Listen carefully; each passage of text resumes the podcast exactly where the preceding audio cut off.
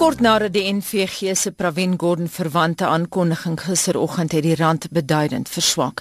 Die NVG hoof Shaun Abrams het aangekondig dat die minister van Finansies Pravin Gordhan en twee voormalige kommissarisse van die Suid-Afrikaanse Inkomste Diens op 2 November in die hof moet verskyn op aanklagte van bedrog.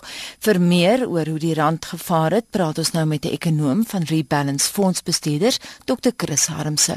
Goeiemôre Chris. Anita. Tot en met nou, tot en met vanoggend, hoe die rand gevaar.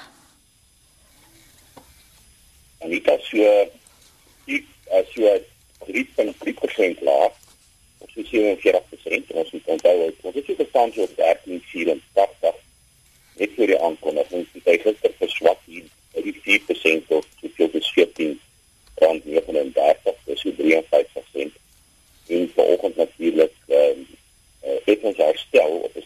reeds onder die 1430 maar uh eh, reguleer weer effe begin te styg. En trend in dieselfde maatstaf vir die pond en die euro uh ook uh, verswak.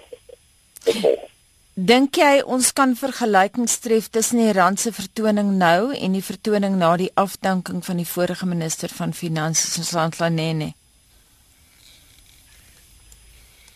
Anita, ja, ek dink daar is tog 'n mate van ooreenstemming ek het net gaan kyk op 9 Desember toe minister Nene afgedank is uh, wat die rand op 14 rand 51 ek in die volgende 2 dae dus van 10 Desember tot 11 Desember met uh, 89 dit is oor die 6% verswak eers van 14 rand 51 10 Desember se 14.89 en die 15 af op die 11 Desember se 15.40 Maar luisteraars moet net net onthou, net 5 dae later, op die 16de Desember het Amerika hulle rentekoerse verhoog en dit het die rand met ongeveer 'n verdere 100 100 sent laat verswak. So ons het daai twee sterk effekte gehad. Ehm um, dus daar bestaan natuurlik die kans dat ons weer in daai tipe risiko gaan beweeg.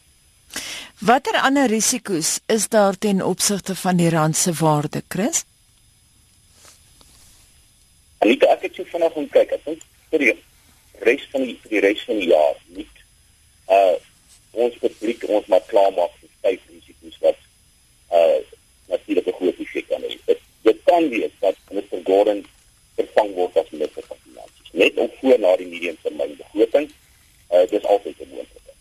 Dan natuurlik, dit kan ook wees dat president Zuma die nuwe openbare beskermer stoomrol het.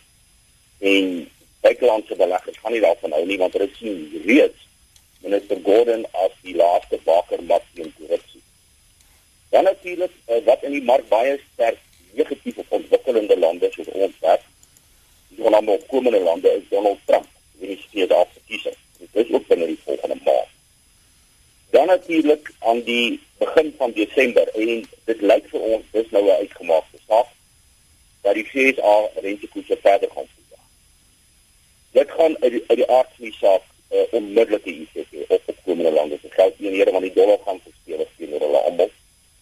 En dan natuurlik die grootte, die akkrediteringsagentskappe wat hier so by 25 November gaan begin met hulle gradering van Suid-Afrika tot rommelstatus. As ons uh, indien dit gaan plaasvind, kan ons maar net kyk wat het met ander lande gebeur in Brasilië nadat hulle um, tot rommelstatus verklaar is. In die kort termyn dus baie hoë risiko dat die rand veel verder kan verswak by tot Desember. Baie dankie en so sê ekonom van die Rebalance Fondsbestuurders Dr Chris Harmse.